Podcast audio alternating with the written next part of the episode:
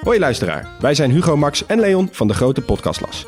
Wij zijn drie geografen en elke week behandelen wij een ander land. We bespreken onder andere de geschiedenis, politiek, natuur, maar ook de sport, de muziek en natuurlijk het eten.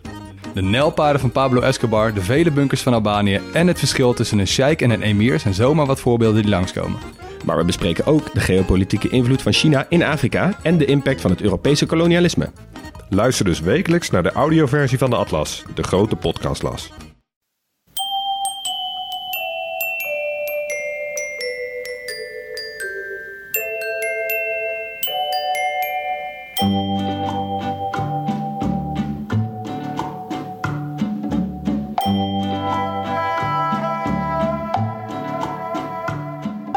Welkom bij aflevering 89 van de Echt Gebeurd podcast.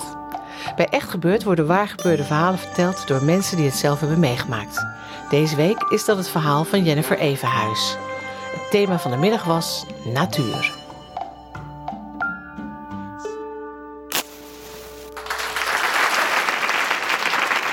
Is een, eh, een korte periode in mijn leven geweest dat ik mij echt verbonden voelde met de natuur.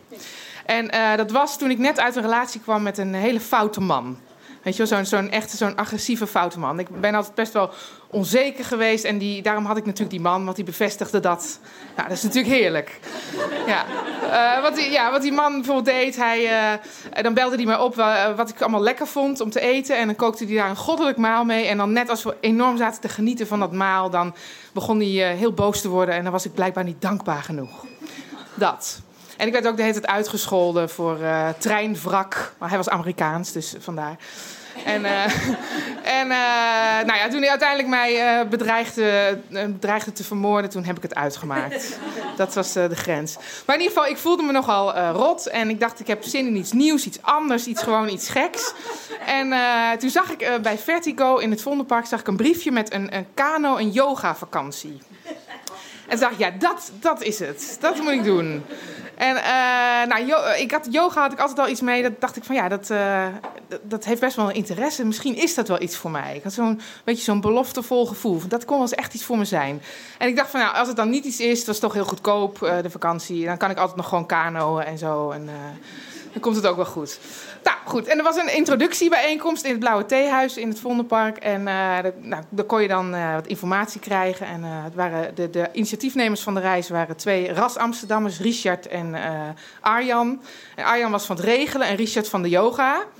En ze zeiden er ook nog bij, het was dan in principe vegetarisch, de tocht. Maar als je dan ergens een dorpje was waar vlees was, dan mocht je het wel kopen. Dus nou, dat trok me over de streep. Toen ben ik, heb ik me opgegeven. En uh, was ook, uh, toen iedereen zich een beetje opgegeven had en de groep was bekend, toen gingen, kregen we een introductiepicknick in Artes. ja, ik vond het nogal apart. Ik dacht, oh, oké, maar goed. Maar het was dan het plan dat Arjan zou met zijn vriendin dan boeddha's gaan wassen in Artes. En dan zou de rest van de groep zou daar dan naast gaan picknicken met, en, ja, en dan kijken. Of zoiets. Nou ja, ik weet ook niet precies wat het idee was. Maar in ieder geval, uh, want, oh, dat kwam namelijk, want, want Arjan had namelijk, uh, was in Artis geweest. En toen had hij, op een gegeven moment liep hij langs die boeddha's. En toen hoorde hij het, was me, was me. nou ja, en toen thuis, toen bleek dus, had hij, kwam hij erachter dat het internationale Boeddha-dag was. Omstreeks die tijd. En op die dag worden de boeddha's gewassen. Nou ja, dus uitgelezen kans om dat dan even te combineren uh, met elkaar. Dus ik ging mee en ik bleek de enige. Te zijn die, die me op had gegeven voor de introductie. Maar goed, ja, en het, het, voordeel was, ik mocht gratis naar binnen bij Artis. En dat vond ik wel cool. Het nadeel was, ik moest dus helpen wassen. Ja, en ik vond het eigenlijk best wel balen. Ik dacht van, hey, shit, ik wilde daar gewoon naast zitten. Maar ja, ik kon niet in mijn eentje daar gaan zitten... terwijl Arjan met zijn vriendin die boeddha's ging wassen. Dus ik moest wassen. En uh, dat was echt zwaar, want het zijn hele grote boeddha's, zijn dat. Dus het was echt flinke uren schrobben en, en ik stonk naar zweet en... Uh, ja, ik vond, ik vond het eigenlijk ook belachelijk. Ik dacht, sta ik hier gewoon boeddha's te wassen? Dat is toch raar? Maar ja, toen, aan het einde van de dag toen, uh, moesten we dan ook iets offeren aan de boeddha, dat hij gewassen was. En toen had ik, een, ik had toen in die tijd een, een paarse plusje armband. En uh, die heb ik toen maar aan de boeddha uh, geofferd. En dat voelde, dat voelde echt goed. Ja, ik dacht, nou, dit is toch wel goed dat ik dit doe. Dus misschien gewoon goed voor mij, gewoon. En uh, toen gingen we daarna ook nog naar een café en uh, hadden we een wijntje gedronken. En toen kreeg ik ook van Arjan zo'n klein Boeddha-beeldje. Dat mag je ook nooit voor jezelf kopen. Dat moet iemand anders aan je geven. Eh, eh, en toen, toen voelde ik me echt een beetje zo verheven boven de rest van de groep. Ik dacht, wauw, dit, dit, dit is goed dat ik dit doe. Nou, dus en we gingen, de vakantie begon en het was ook echt ja, geweldig, heel mooi uitzicht. Allemaal meren dus, waar we ehm, ja, allemaal aan elkaar geschakelde meren. En eh, ja, super uitzichten en eh, leuke groep ook. Hele, heel verschillende mensen. Een hippie, maar ook een reclamejongen. En die had dan zo'n raw food vriendin. En uh, uh, ja, wat was er nog meer? Oh ja, een Brabantse ondernemer en zijn zoon. Het was heel gemêleerd, zeg maar. En één jongen die, ik heel leuk vond. Ik dacht, dat is echt iets voor mij. Die bleek dan homo. Dat wist iedereen, maar ik niet. Maar goed, maakt niet uit. En, maar, maar die yoga, die begon maar niet. We moesten echt een beetje zeuren om de yoga.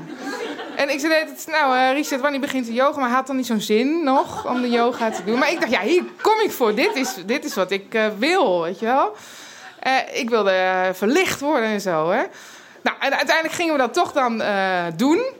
En dan met uitzicht zo over die prachtige meer. Dan gingen we vaak een beetje hoger zitten. En nou, het was alles wat ik had verwacht en meer. Want ik moest elke keer huilen als we zo'n sessie deden, dan, oh, dan moest ik huilen. En dan zag je iedereen ook zo naar je knikken van... ja, dit is goed, weet je. Dacht je dit, ik zag visioenen van een yogaschool. En um, nou ja, goed, ik was echt een natuurmens aan het worden, had ik het gevoel.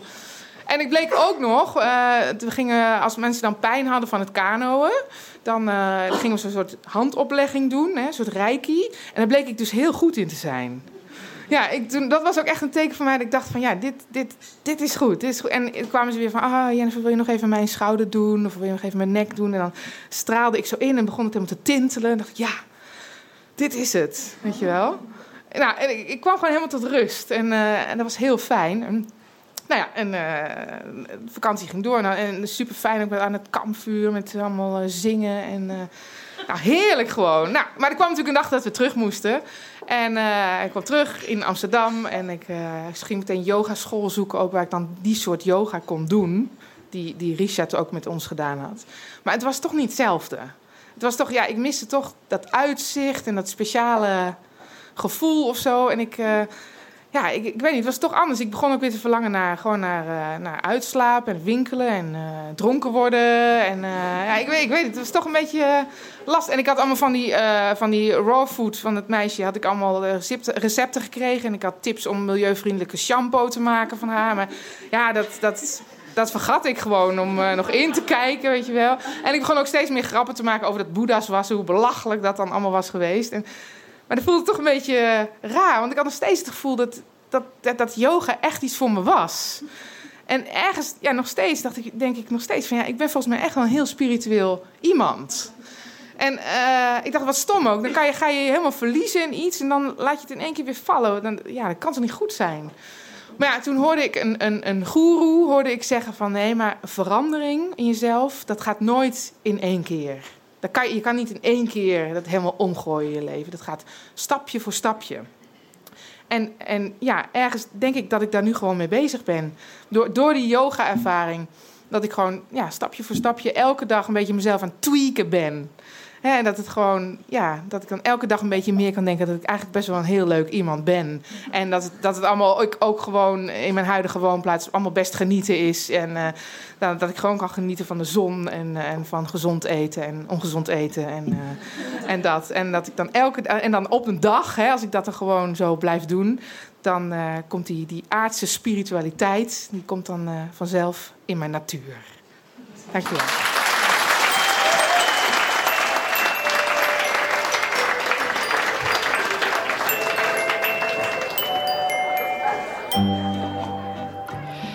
Dat was Jennifer Evenhuis. Jennifer vertelt vaker een verhaal bij ons. Ze is actrice, een comedienne en je kunt meer over haar te weten komen op www.jenniferevenhuis.nl. Echt gebeurd wordt elke derde zondag van de maand opgenomen in Toemler onder het Hilton in Amsterdam. Heb je zelf een bijzonder verhaal te vertellen of wil je er gewoon een keer bij zijn? Ga dan naar www.echtgebeurd.net. Daar kun je je ook inschrijven voor onze nieuwsbrief.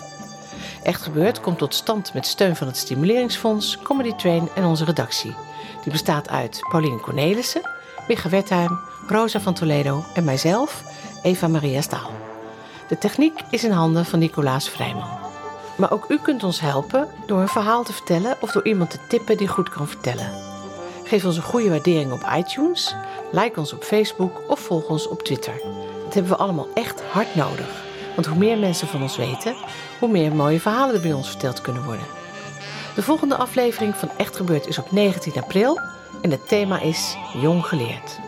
Bedankt voor het luisteren en vergeet niet, het is het veiligst om een spiritueel natuurmens te worden met een grote stad naast de deur.